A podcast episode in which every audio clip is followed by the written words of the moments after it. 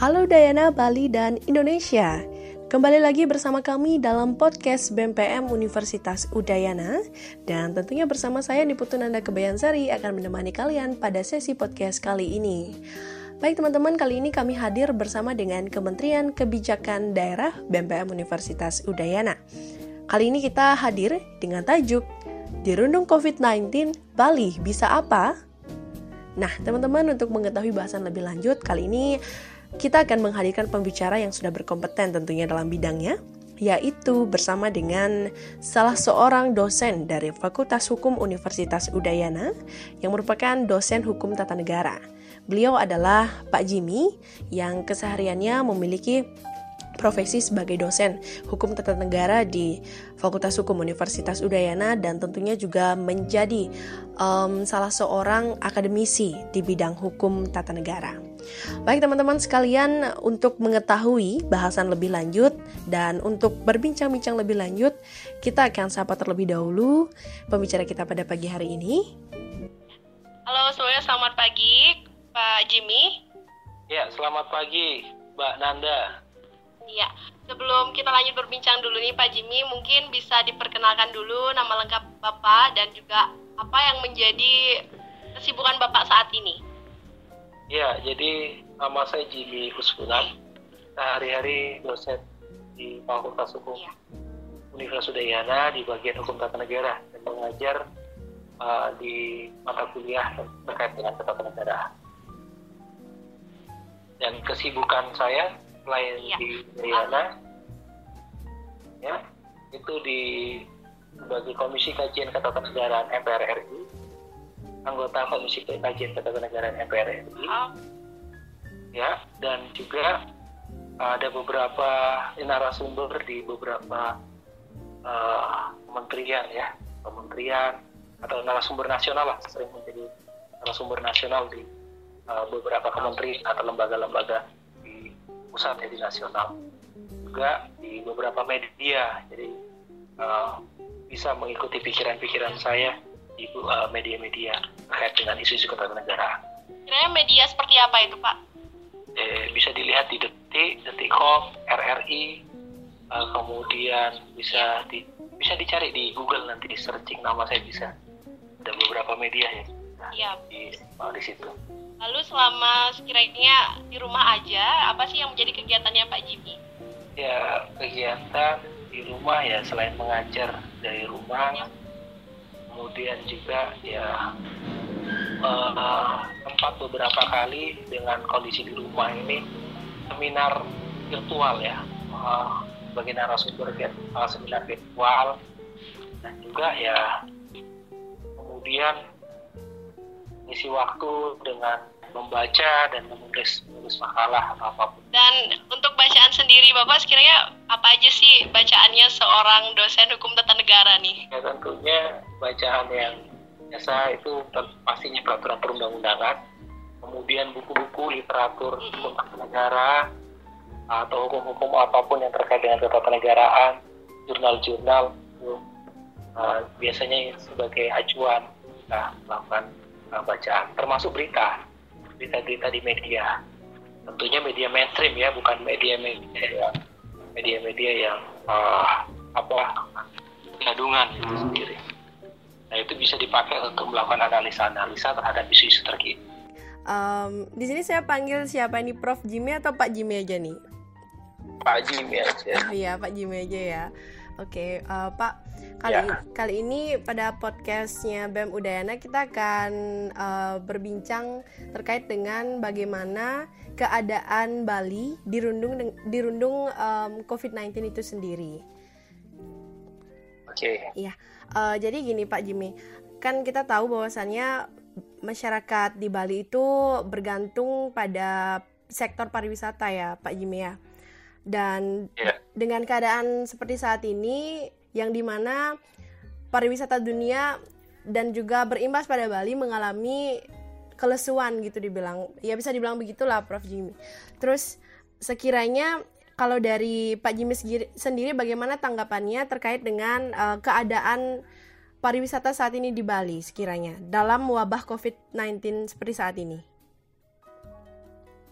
Iya, Jadi memang begini, ini kan masalahnya masalah dunia, bukan hanya uh, negara, satu negara, dua negara, tapi hampir semua negara di dunia terimbas dengan virus COVID-19 ini atau virus corona itu. Nah untuk itu ini adalah persoalan bersama di mana semua negara mengalami nasib yang sama soal sektor pariwisata khususnya misalnya data kemarin kita lihat yang paling terpuruk negara terpuruk dalam hal pariwisata itu Italia, Spanyol dan Amerika yang sangat terpuruk. Tapi dalam konteks kita di Indonesia tentunya pariwisata juga menjadi hal yang sangat signifikan terpuruk keterpurukannya apalagi di Bali yang kita rasakan dan kita tahu Bali itu 80% uh, PAD-nya itu mengandalkan sektor pariwisata. Ya, ya. Uh, tadi um, terkait dengan yang sudah Pak Jimmy sampaikan, sekarang kalau misalkan dari sudut pandang Pak Jimmy jika dilihat dari bagaimana ketanggapan pemerintah kita mengacu pada undang-undang ya dengan undang-undang penanggulangan bencana, undang-undang kekarantinaan kesehatan. Bicara persoalan kekarantinaan kesehatan itu urusan pusat. Daerah tidak bisa lakukan apa-apa. Jadi kebijakan itu pemerintah uh, daerah hanya bisa mengusulkan hal tadi yang seperti saya sebutkan. Penjaminan pemenuhan hak masyarakat itu harus merupakan tanggung jawab daerah. Perlindungan masyarakat dari dampak bencana itu adalah uh, tanggung jawab daerah. Kemudian pengurangan resiko bencana, kemudian pengalokasian dana bencana alam dari FAPBD. Nah, kalau kita lihat dari fakta-fakta di lapangan, bagaimana kondisi di daerah eh, di Bali khususnya ya dalam konteks sekarang, masih ada banyak uh, beberapa toko yang akhirnya sekarang sudah mulai membuka toko usahanya dengan pikiran bahwa ini pemenuhan ekonomi bagi karyawan, bagi pegawai. Di satu sisi mereka juga ingin untuk meningkatkan uh, perekonomian mereka. Kemudian ada juga beberapa uh, aktivitas ya, misalnya di pasar atau di mall-mall, uh, di sorry, bukan di mall-mall di beberapa supermarket yang masih uh, tidak melakukan apa yang menjadi himbauan-himbauan dari pemerintah daerah dan pemerintah pusat misalnya physical distancing. Dalam hal ini pasar-pasar masih tidak menerapkan bagaimana pedagang-pedagang itu harus berjarak satu-satu iya. meter. Pengunjung juga harus berjarak satu-satu meter. Penggunaan masker juga demikian. Masih relatif banyak masyarakat yang acuh tak aja biasanya yang harusnya di tempat uh, itu pun banyak toko-toko yang tidak memberikan melakukan kewajiban-kewajiban demikian. Nah, di satu sisi dalam hal ini, ini kewajiban atau tanggung jawab dari pemerintah daerah. Bagaimana kebijakan tanggung jawab eh, tanggung jawab dari pemerintah daerah supaya mengurangi, jangan sampai dampak-dampaknya semakin luas. Tapi di satu sisi ada hal-hal sederhana, kebijakan-kebijakan sederhana yang belum dilakukan secara optimal dalam hal pengawasannya. Nah, kalau kita lihat misalnya dalam hal sekarang, masih ada sekarang toko yang tidak lagi uh, memberikan jasa layanan take away ya untuk uh, hanya membeli, uh, bawa pulang saja makanan tapi sekarang membuka ruang untuk makan kembali di tempat tempat makan itu sendiri. Sudah ada mulai dibuka.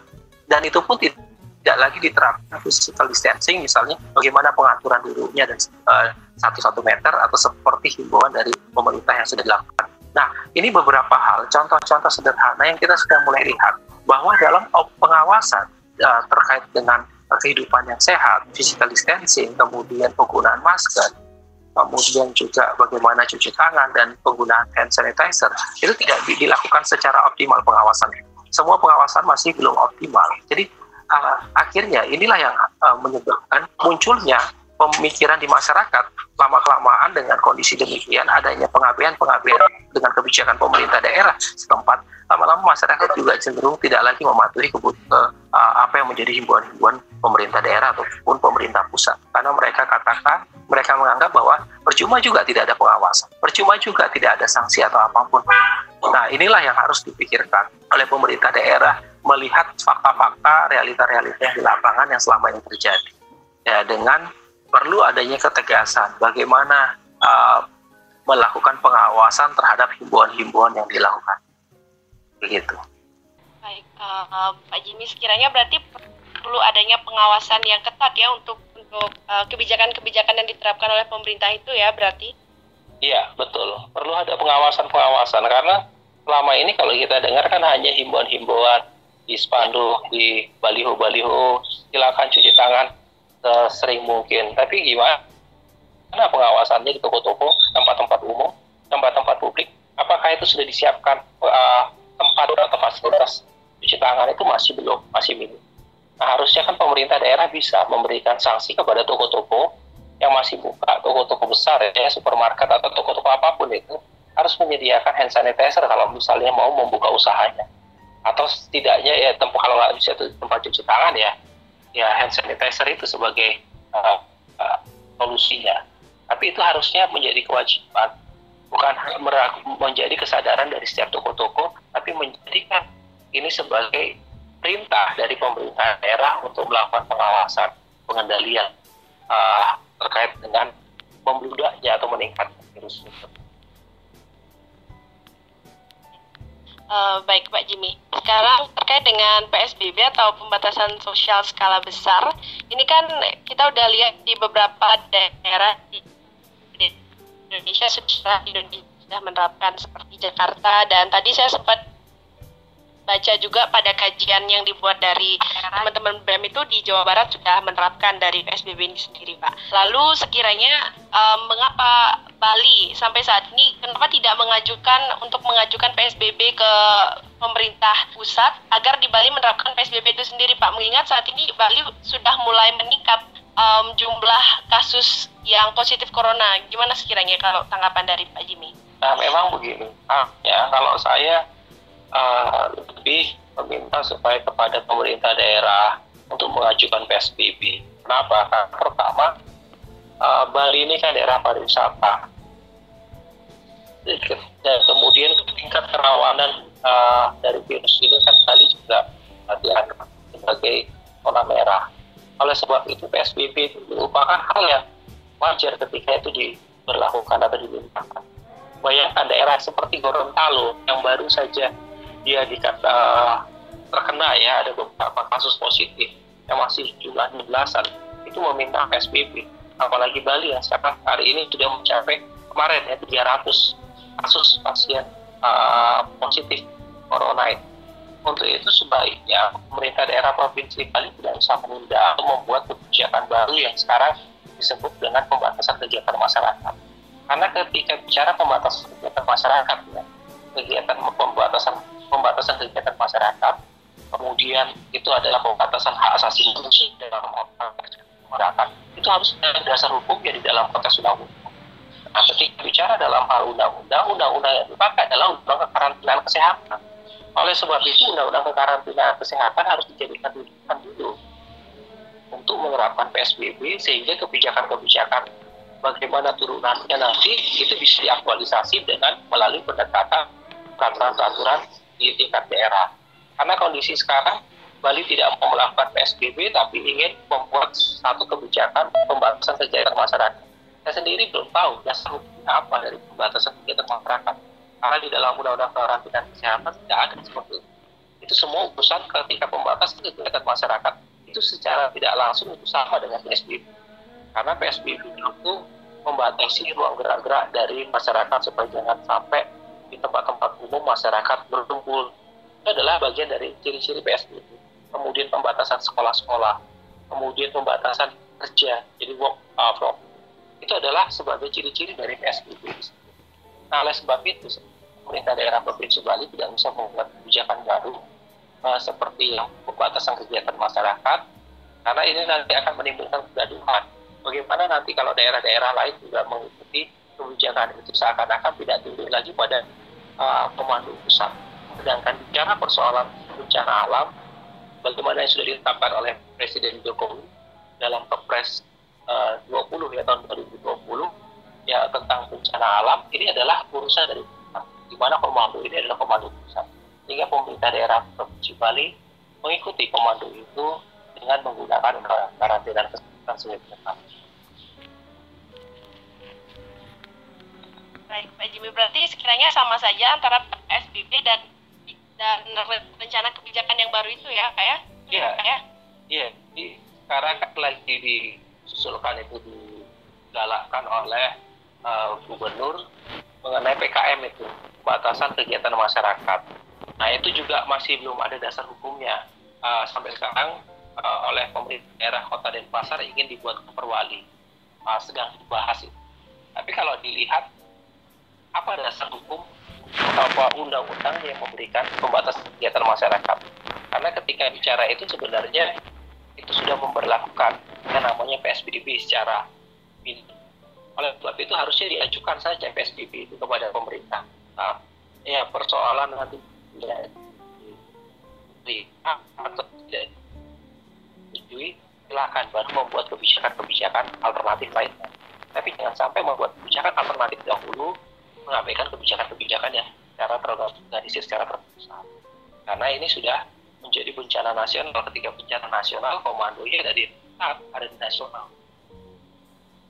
Gitu deh.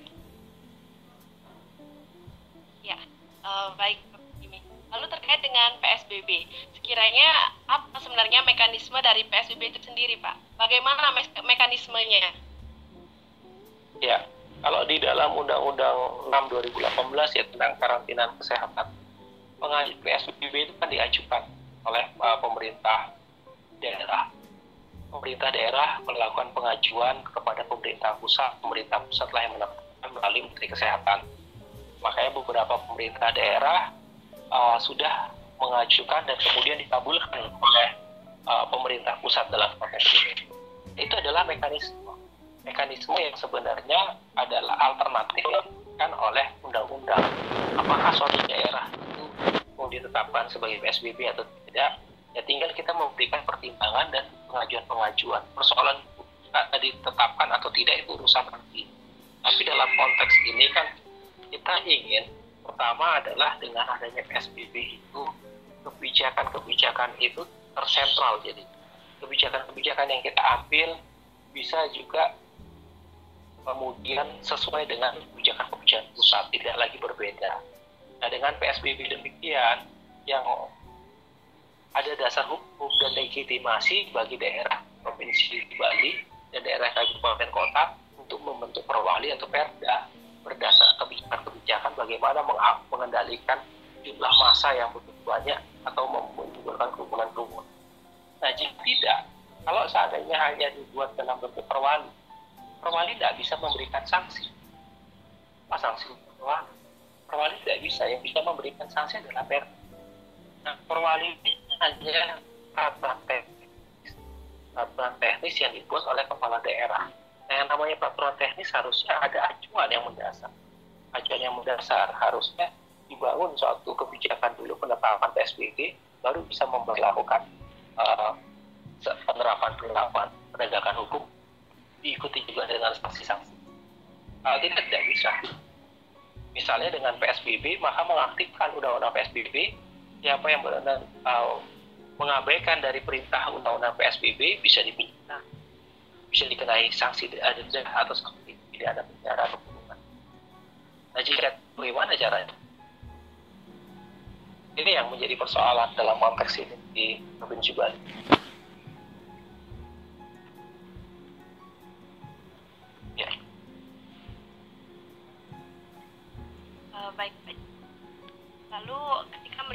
Saat ini angka uh, angka positif COVID-19 di Bali itu kan ada sekitar 300 pasien yang seperti Bapak kemukakan tadi. Apakah sekiranya itu merupakan angka yang masih kecil, Pak, sehingga terkesan pemerintah enggan untuk uh, mengajukan PSBB itu sendiri? Sendiri. Iya, Jimmy. Jadi kalau kita lihat sebenarnya dengan jumlah 300 kan kita populasi kita 4 juta kemudian 300 berarti berapa persen ya? 4 juta. Terus 40 ribu itu 10 ya ya meski itu katakanlah masih relatif kecil tapi jangan lupa yang namanya pencegahan itu kan harus dilakukan lebih utama ketimbang upaya-upaya kuratif dalam konteks untuk penyembuhan. Karena kalau kita lihat kondisi yang ada di beberapa negara seperti Taiwan, seperti Korea, mereka karena menggunakan kebijakan yang begitu ketat untuk melakukan suatu pengendalian terhadap virus-virus seperti ini. Sebab kalau seandainya pengabaian-pengabaian ini terjadi dan cenderung pengabaian ini terjadi dan ruang gerak pembatasan pembatasan masyarakat lama-lama masyarakat mulai jenuh di rumah terus ketika masyarakat mulai jenuh di rumah terus akhirnya jalan-jalan mulai rame toko-toko sudah mulai buka dan orang lama kelamaan tidak lagi peduli dan tidak lagi adanya was-was dengan kondisi. Nah kalau seandainya ini terjadi, maka ya lambat laun peningkatan itu semakin banyak, ya sektor pariwisata juga semakin terpuruk dan perekonomian di khususnya di Bali kita tidak akan pernah tumbuh karena kondisi ini kita sendiri tidak melakukan suatu kebijakan dalam konteks ini pemerintah belum mengambil kebijakan yang tegas untuk menetapkan kondisi PSBB supaya pengendalian bisa lebih efektif lebih uh, dilakukan secara komprehensif masif. Kalau dengan kondisi demikian adanya kecenderungan dan pengambilan kebijakan-kebijakan cenderung menganggap masih jumlahnya relatif sedikit dengan kondisi seperti ini. Ya jangan salahkan juga masyarakat lama-lama juga mengabaikan dengan yang menjadi buat karena masyarakat sudah mulai dalam hidup dikurung di rumah terus sebulan sampai hampir dua bulan. Lama-lama juga mereka ya sudah lah lebih baik kami keluar saja beraktivitas di mana mestinya. Kita tidak melakukan hal-hal yang ketat buktinya masih banyak orang-orang di luar rumah yang masih berjalan juga. Ke sana kemari sedangkan kami sebagian orang atau sebanyak orang masih di rumah sedangkan banyak orang juga yang masih dibiarkan di luar nah ini yang kondisi ketidakpastian inilah yang ya, menjadikan peningkatan ekonomi nanti semakin seandainya PSBB bisa diambil kebijakan itu dengan waktu yang segera kebijakan itu bisa dikendalikan oleh pemerintah pemerintah provinsi Bali memerintahkan sampai di kabupaten kota, maka kebijakan untuk pengendalian bisa dilakukan secara masif. Dan itu bisa di, diprediksi bisa menekan jumlah dari peningkatan-peningkatan kasus-kasus virus ini. Karena kalau kita lihat sampai sekarang kan satu hari kita itu masih 250, 300 sampai 400 kan. Baru sekarang baru 450 ya, baru 400 mulai dimunculkan setiap hari Bayangkan dengan populasi manusia di Bali 4 juta, hanya beberapa ribu yang baru bisa disettle. Kemudian diambil uh, jumlah 300, uh, sudah ada 300. Maka itu belum apa-apa dalam konteks ini. Kita bisa lihat, tinggal kita bandingkan berapa orang yang sudah dites tes uh, corona, kemudian dengan membandingkan dengan jumlah orang yang positif. Pasti angkanya lumayan relatif besar ini karena kita belum melakukan semua orang kan untuk uh, melakukan tes itu secara masif akhirnya kita masih berpikir bahwa populasi Bali 4 juta kemudian 300 orang makin sangat sedikit ketika itu dimunculkan pemikiran-pemikiran itu lambat laun ya perekonomian juga tidak akan pernah maju dan pemerintah daerah juga akan kesulitan dalam memenuhi kebutuhan hidup dari masyarakat-masyarakat khususnya yang sudah di PHK sudah diberhentikan, dirumahkan, dan membangun kembali pariwisata tidak akan lagi bisa dilakukan secara baik. Begitu.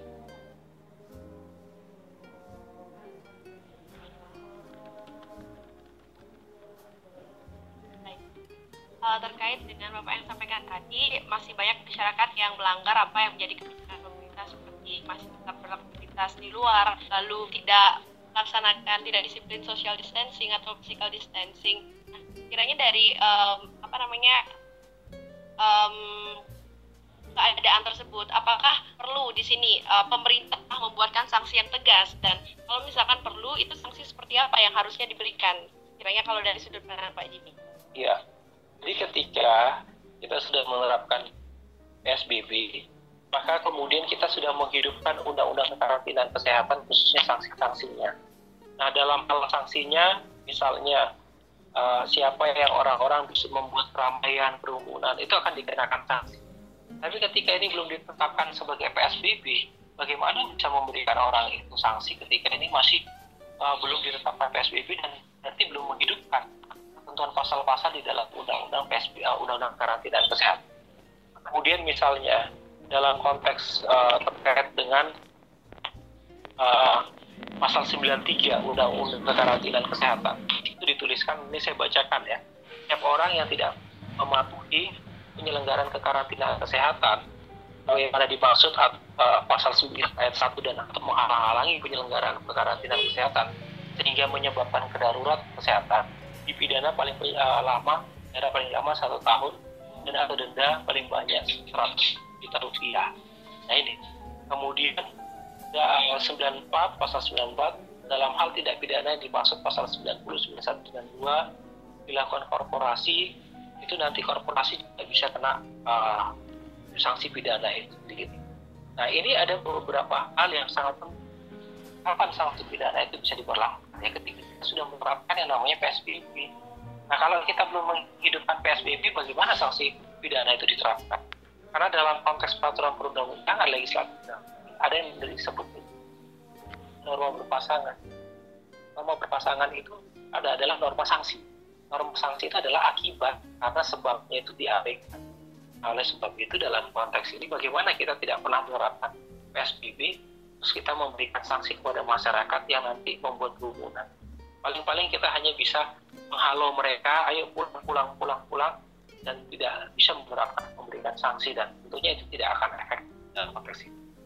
Nah, sekali lagi ketika uh, PSBB diberlakukan secara baik, secara uh, ditetapkan, maka ini menjadi baik. Karena sebab kalau kita lihat ciri-ciri PSBB sudah dilakukan selama ini. Kalau kita lihat di Undang-Undang Kesehatan, kita sudah tidak bekerja lagi di tempat kerja, tapi bekerja di rumah. Anak-anak sudah tidak sekolah, sudah hampir dua bulan mereka tidak sekolah. Kemudian uh, tidak lagi di oh, kerumunan-kerumunan tidak lagi dibatasi misalnya tidak boleh lagi dalam konteks acara-acara keagamaan uh, adat istiadat itu kan sudah mulai dikurangi hmm. dan ini sebenarnya ciri-ciri PSBB sudah ada dalam undang-undang untuk apa lagi kita membuat kebijakan yang baru di luar dari PSBB karena kebijakan yang baru itu ibaratnya tidak melingkan dengan undang-undang karantina kesehatan. Dan ketika itu terjadi maka dalam konteks ini menjadi presiden buruk bagi daerah-daerah lain yang akan menerapkan daerah kebijakan-kebijakan Kalaupun misalnya pembatasan uh, kegiatan masyarakat PKM yang sekarang digalakkan itu lebih menekankan pada penggunaan atau pengajian desa pakraman atau desa adat untuk beraktivitas tidak ada persoalan itu dengan menggunakan PSBB dan mengajak mereka untuk berkoordinasi. Nah, dalam konteks PSBB pun bisa tetap mengelakkan pengendalian dan apa apa pun dengan melibatkan sektor sektor desa adat itu karena dengan penggunaan desa adat itu lebih memperlihatkan dan citra tidak lagi membangun suatu rasa uh, ketidakamanan tapi lebih pada upaya untuk musyawarah lebih pada bagaimana pendekatan-pendekatan budaya misalkan dalam konteks oleh sebab itu pada intinya ya PKM itu tidak bisa uh, sebagai jawaban yang baik kalau kita lihat tidak tepat digunakan kalau dia masih uh, membangun suatu kebijakan sendiri tidak lagi menggunakan PSBB kecuali PSBB itu ditolak PKM bisa dijadikan alat.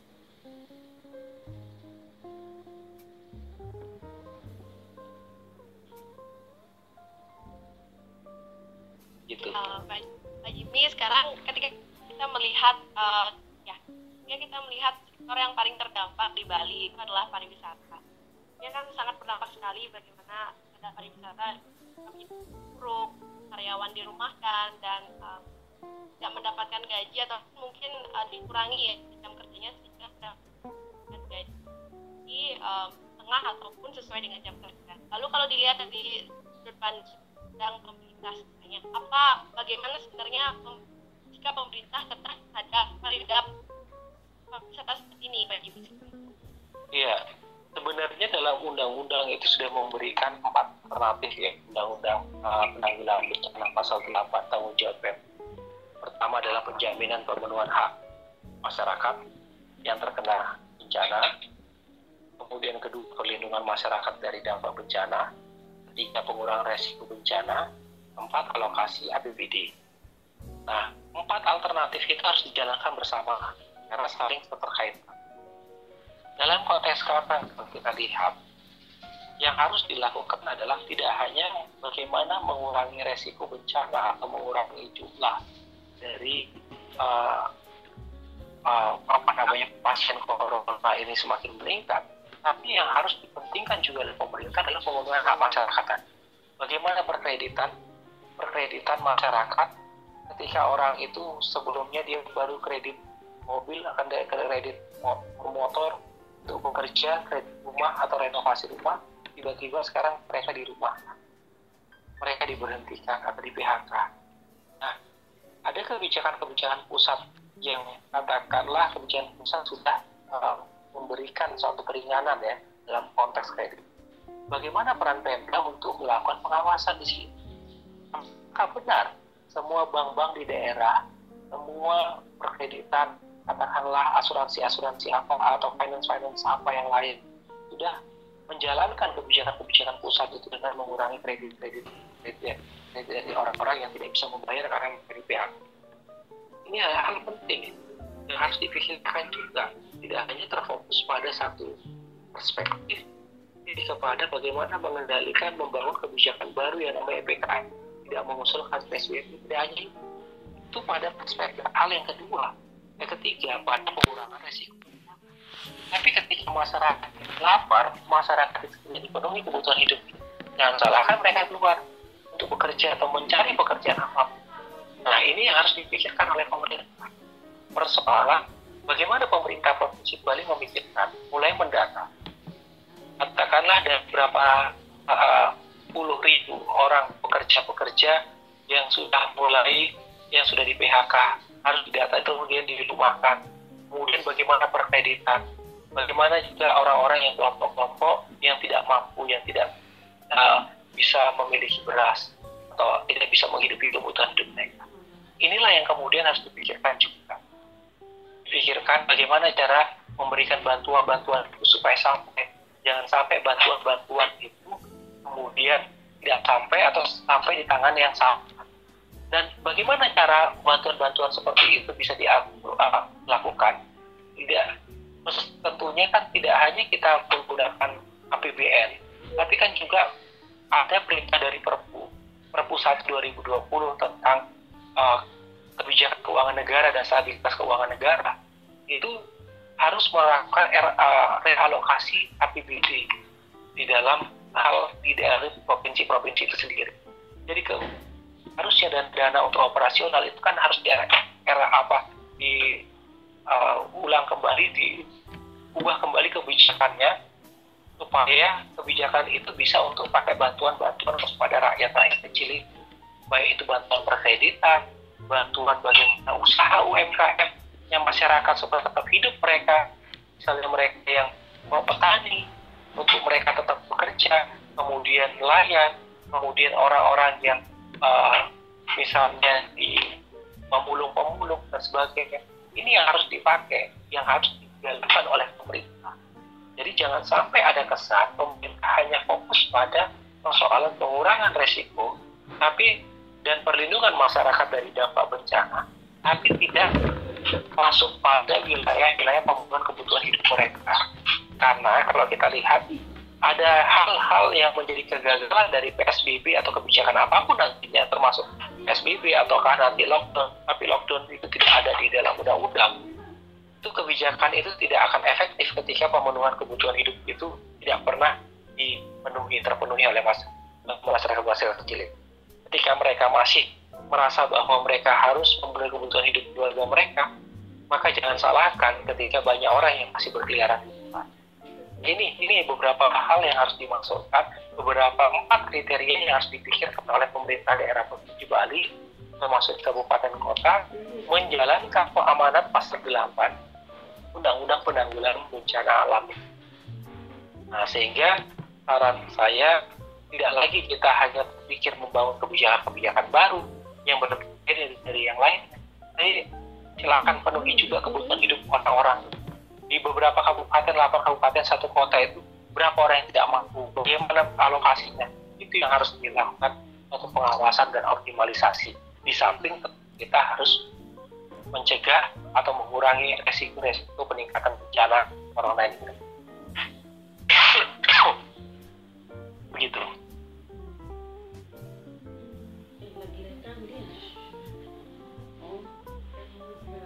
Halo, Pak Jimmy sangat menarik sekali bahasannya tadi. Um, ya, bisa dengar Pak suara saya? Bisa.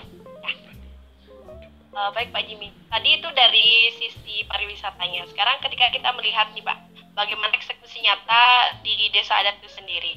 Saat ini di Bali kan um, lebih spesifiknya di, di wilayah lebih kecil seperti Banjar, lalu blok rumah, gang, kerap melakukan karantina wilayah, di mana warga luar wilayah tidak diizinkan untuk memasuki wilayah tersebut, baik itu desa ataupun Banjar itu sendiri.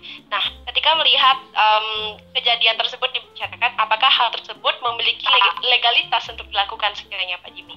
Ya, kalau kita mengacu pada undang-undang, yang namanya karantina wilayah itu ada di pusat. Ya, karantina jadi karantina itu karantina rumah, karantina rumah sakit, karantina wilayah, dan kemudian PSBB, pembatasan sosial Nah, dalam konteks yang semua karantina, semua dari tingkat pusat. Nah, dari perspektif kewenangan saja berarti tidak kewenangan ketika uh, melakukan satu karantina wilayah terhadap wilayah-wilayahnya masing dalam hal ini. Nah, ini tentu yang menjadi persoalan adalah dikarenakan kenapa ini bisa terjadi? Ya ini tentunya ada kekhawatiran ya. Wajar saja ketika masyarakat khususnya desa ada merasa kekhawatiran-kekhawatiran untuk menutup wilayahnya perlu dilakukan. Ketika belum ada tindakan kebijakan-kebijakan yang besar dilakukan oleh pemerintah daerah untuk, untuk mengurangi resiko-resiko dari peningkatan kasus-kasus misalnya uh, kalau kita lihat sebelum-sebelumnya kebijakan-kebijakan di bandara, kebijakan-kebijakan di tempat wilayah masuk itu kan baru-baru saja kan dijalankan kebijakan yang begitu ketat. Sebelum-sebelumnya ketika baru-baru terjadi kebijakan uh, kasus-kasus corona masih kita dibiarkan begitu tidak ketatnya kondisi-kondisi wilayah-wilayah masuk seperti itu. Nah, ekses dampak dari kebijakan yang waktu itu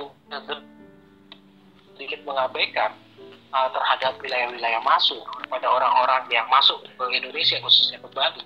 Yang akhirnya dampaknya kan dirasakan beberapa hari kemudian berapa minggu kemudian oleh masyarakat. Akhirnya begitu masyarakat merasa di wilayahnya ada orang yang uh, corona kena positif akhirnya kepanikan kepanikan itulah yang akhirnya membuat mereka untuk melakukan penutupan wilayahnya. Karena merasa di wilayah-wilayah lain itu tidak aman karena merasa di wilayah-wilayah desa-desa lain itu juga masih ada penyebaran-penyebaran yang bisa masuk ke daerah-daerah itu.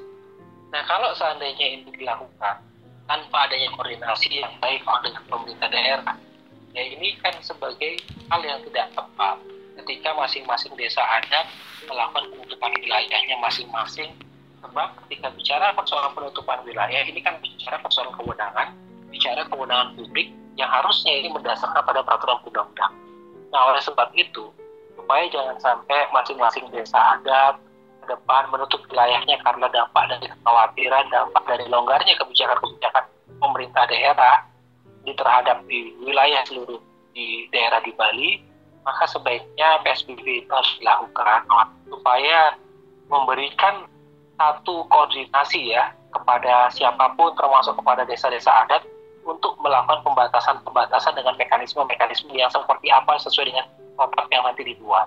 Karena kalau tidak, masing-masing nanti desa adat jalankan sesuai protap masing-masing.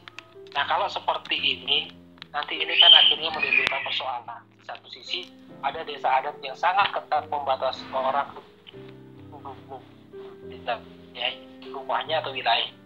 Sedangkan orang butuh kerjaan, orang butuh untuk mendapatkan uang ekonomi untuk menghidupi istri anak. Nah ini juga ini juga menjadi hal yang harus diambil alih oleh pemerintah daerah provinsi Bali dengan mengambil kebijakan kebijakan uh, eh, SBB itu sendiri dan kemudian mengkoordinir secara menyeluruh apa yang harus dilakukan oleh pemerintah daerah kabupaten kota kemudian tingkat desa termasuk melibatkan peran desa dan seperti apa sehingga protap mekanisme semuanya bisa seragam sehingga masyarakat juga bisa menerima secara baik.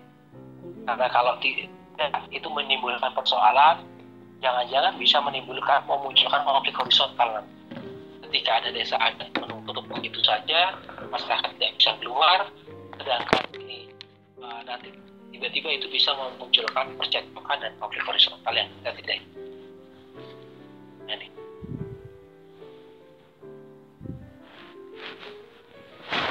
Uh, berarti Pak Jimmy sekiranya uh, apa yang dilakukan uh, dari dari desa ataupun Banjar yang merupakan satuan terkecil dari sistem pemerintahan itu sendiri sekiranya kurang tepat ya Pak ketika melakukan seperti karantina wilayah sendiri gitu ya Pak Jimmy ya?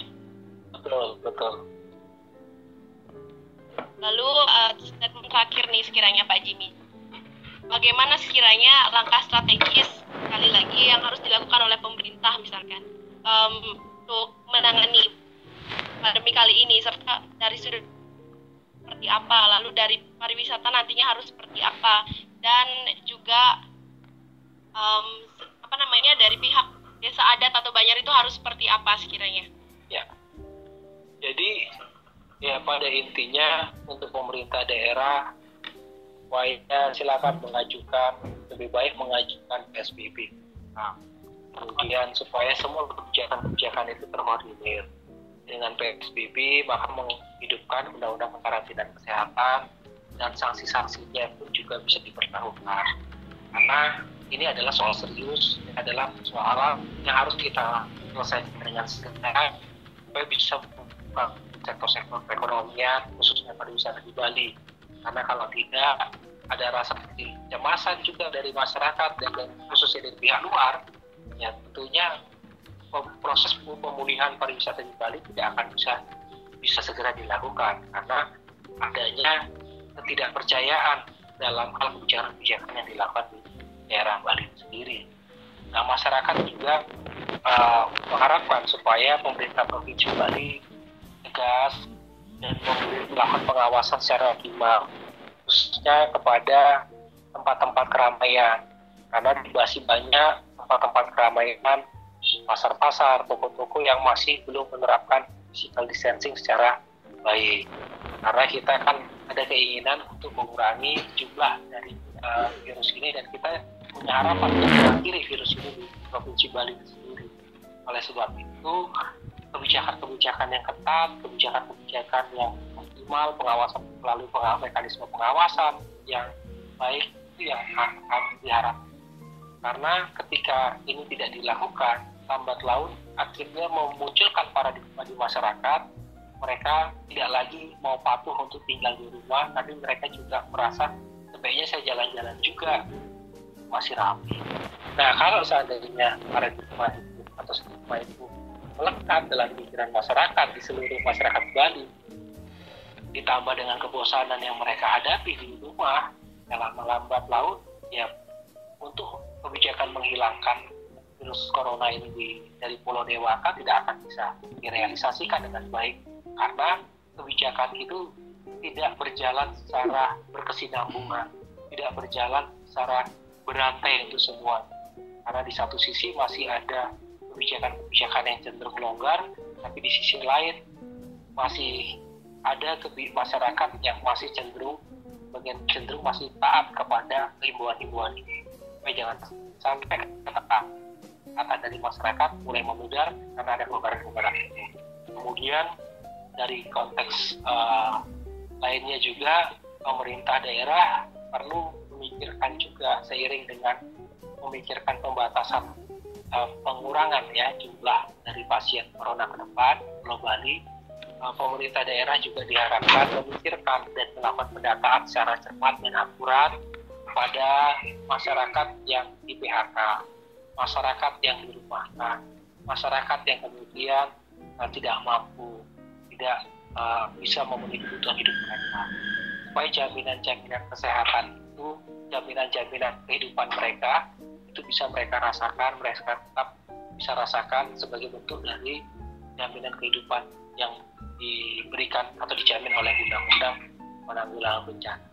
Sehingga itu yang menjadi hal penting. Satu sisi, ketika masyarakat merasa ekonomi susah, ya jangan salahkan ketika ketaatan masyarakat pun mulai berkurang terhadap kebutuhan. Nah, di sisi lain juga rasionalisasi APBD dalam hal kebijakan-kebijakan terkait uh, bantuan-bantuan terhadap UMKM juga menjadi penting usaha-usaha kecil karena masih banyak juga masyarakat yang mengharapkan mereka tidak diberhentikan tapi di satu sisi mereka masih berharap masih punya kerjaan-kerjaan. Oleh sebab itu UMKM UMKM itu perlu juga diberikan suntikan-suntikan dana perhatian-perhatian termasuk bantuan perkreditan. Sekiranya juga seandainya masih ada pajak-pajak yang memberatkan khususnya yang untuk di daerah yang pajak bumi dan bangunan. Itu bisa diberikan keringanan misalnya bagi orang-orang yang memiliki sawah-sawah yang uh, hal-hal dengan wilayah yang luas. Jangan sampai kemudian itu membebankan akhirnya masyarakat menjual tanah-tanahnya dan kemudian kebijakan-kebijakan kendaraan bermotor pajak-pajak kendaraan bermotor yang ada di uh, provinsi Bali. Begitu juga pajak-pajak hotel restoran itu juga harus dilakukan. Satu relaksasi pajak terhadap mereka bagi pembayar-pembayar pajak hal-hal demikian ini merupakan hal yang sangat fundamental kita boleh memiliki satu ibaratnya yang melakukan suatu tindakan pencegahan dan tindakan kuratif terhadap penyakit, tapi kita tidak boleh mengabaikan dampak negatif dari virus corona itu yang begitu besar terhadap perekonomian kita di Bali. Nah, itu yang bisa kita lakukan dan bagaimana nanti ke depan pemerintah daerah Provinsi Bali harus mengambil kebijakan yang mengkoordinasikan sampai di wilayah-wilayah pemerintah desa, eh, pemerintah daerah, eh, pemerintah terendah, khususnya pemerintah desa, kemudian juga mengkoordinasikan juga pemerintah desa adat supaya mengambil kebijakan-kebijakan yang seragam. Karena ketika kebijakan-kebijakan itu diambil oleh masing-masing pihak, masing-masing desa adat, ada yang menerapkan secara ketat, ada yang menerapkan secara longgar, akhirnya nanti lambat laun menimbul akan rawan memunculkan konflik horizontal karena dalam konteks ini ini ada kebutuhan mendasar kebutuhan hidup mereka yang sangat mendasar dalam untuk menghidupi kebutuhan kebutuhan hidup mereka dalam konteks keluarga diversuskan dengan uh, pelarangan untuk keluar-keluar dari wilayah. Dan tentunya ini yang akan menjadikan suatu posisi yang diametral dari uh, konflik memunculkan konflik-konflik horizontal Nah, itu harapan saya yang bisa saya sampaikan. Terima kasih. Selamat siang.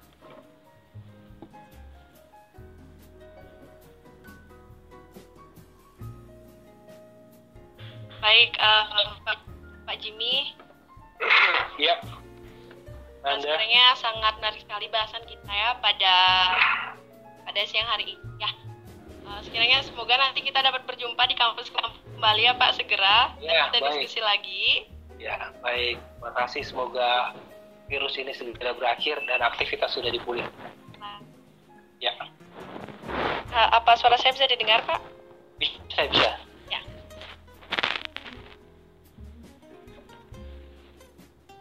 Ya, Pak Jim. Dan semoga juga ya dan semoga juga pemerintah segera mengambil kebijakan yang sekiranya tepat dan dan gimana ya Pak ya dan terbaik lah ya untuk kita semua agar pandemi ini berakhir dengan cepat pula seperti itu Pak.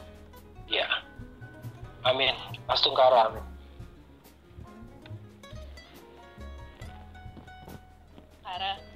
Dan uh, Pak Jimmy sekiranya terima kasih sudah menyempatkan, menyempatkan waktunya untuk berdiskusi dengan kami dari BMPM Udayana. Ya, Semoga ya. sehat selalu dan berbahagia selalu ya Bapak. Ya, terima kasih. Ya, salam sehat untuk kita semua.